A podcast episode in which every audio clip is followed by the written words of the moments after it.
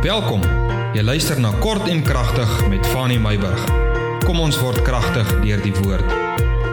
Ek groet jou vanmôre op hierdie klein Saterdag, soos wat hulle die Woensdag mos noem, nê, in die middel van die week. Eksodus 3 vers 11. In Eksodus hoofstuk 3 vers 11 het ek iets raak gelees en laasweek gedurende my Bybelstudie wat ek gedoen het, het ek in die Amplified gelees en eintlik hierdie gedagte in my wakker gemaak en ek wil met jou praat vanmôre oor hoekom Moses? Hoekom Moses? Net om vir jou nou 'n bietjie van 'n idee te gee waaroor alles gaan. Eksodus 3 vers 11. Maar Moses het tot God gespreek: "Wie is ek dat ek na Farao sou gaan en dat ek die kinders van Israel uit Egipte sou lei?" Hoekom Moses? Moses, hoekom antwoord jy die Here so? Die Here verskyn wonderbaarlik aan Moses deur die brandende braambos wat brand maar nie uitbrand nie. Lees Eksodus 3. En daar, by daardie brandende braambos wat brand maar nie uitbrand nie, gee God aan Moses 'n groot taak. Gaan haal my volk en gaan haal jou broers, jou susters, hulle kinders, gaan haal hulle uit Egipte land uit. Kyk vir 'n oomblik. Ek vra jou, kyk vir 'n oomblik deur God se oë na Moses. Kyk vir 'n oomblik hoe God Moses sien. God sien 'n leier. Hy sien 'n man wat standvastig is, gekwalifiseerd is vir die werk Hy sien 'n man wat 'n man van geloof is, 'n man wat vermoënd is, 'n man wat deur die geloof berge kan versit, 'n man wat sy staf kan opneem en die see gaan oopkloof.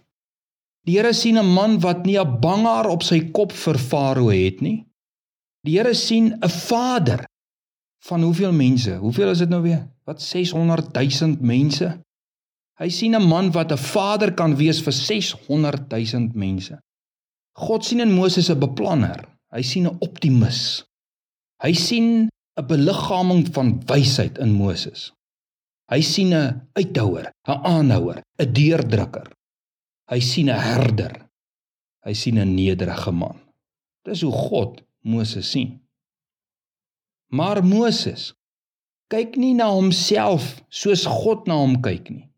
Hy sien nie in homself die potensiaal wat God in hom sien nie. Hy kan nie die geloof, die vaderlikheid, die liefde, die nederigheid, die leierskap, die wysheid in homself raak sien wat God in hom sien nie.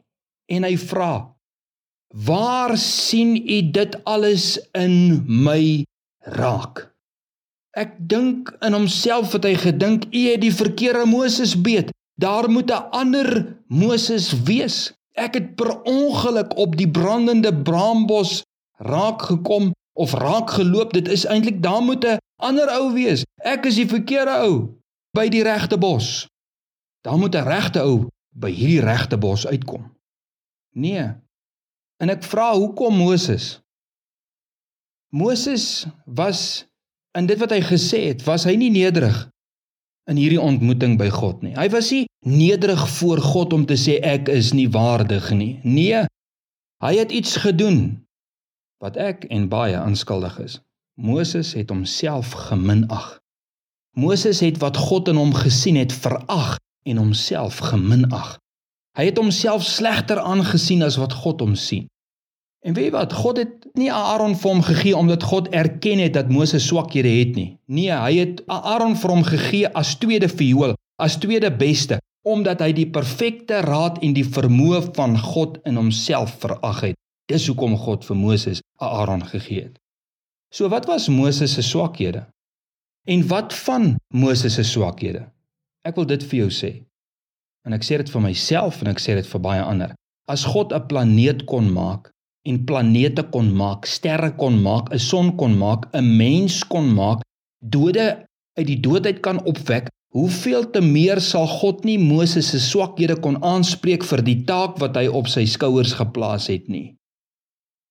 Ek wil jou vandag wegstuur, hierdie klein Saterdag. Skep moed in die Here, met jou swakheid en al. As God roep, moenie jouself minag en God se roeping verag deur jou verdraaide opinie oor jouself nie. Kom ons bid saam. Here, laat ek myself sien soos wat U my sien. Amen.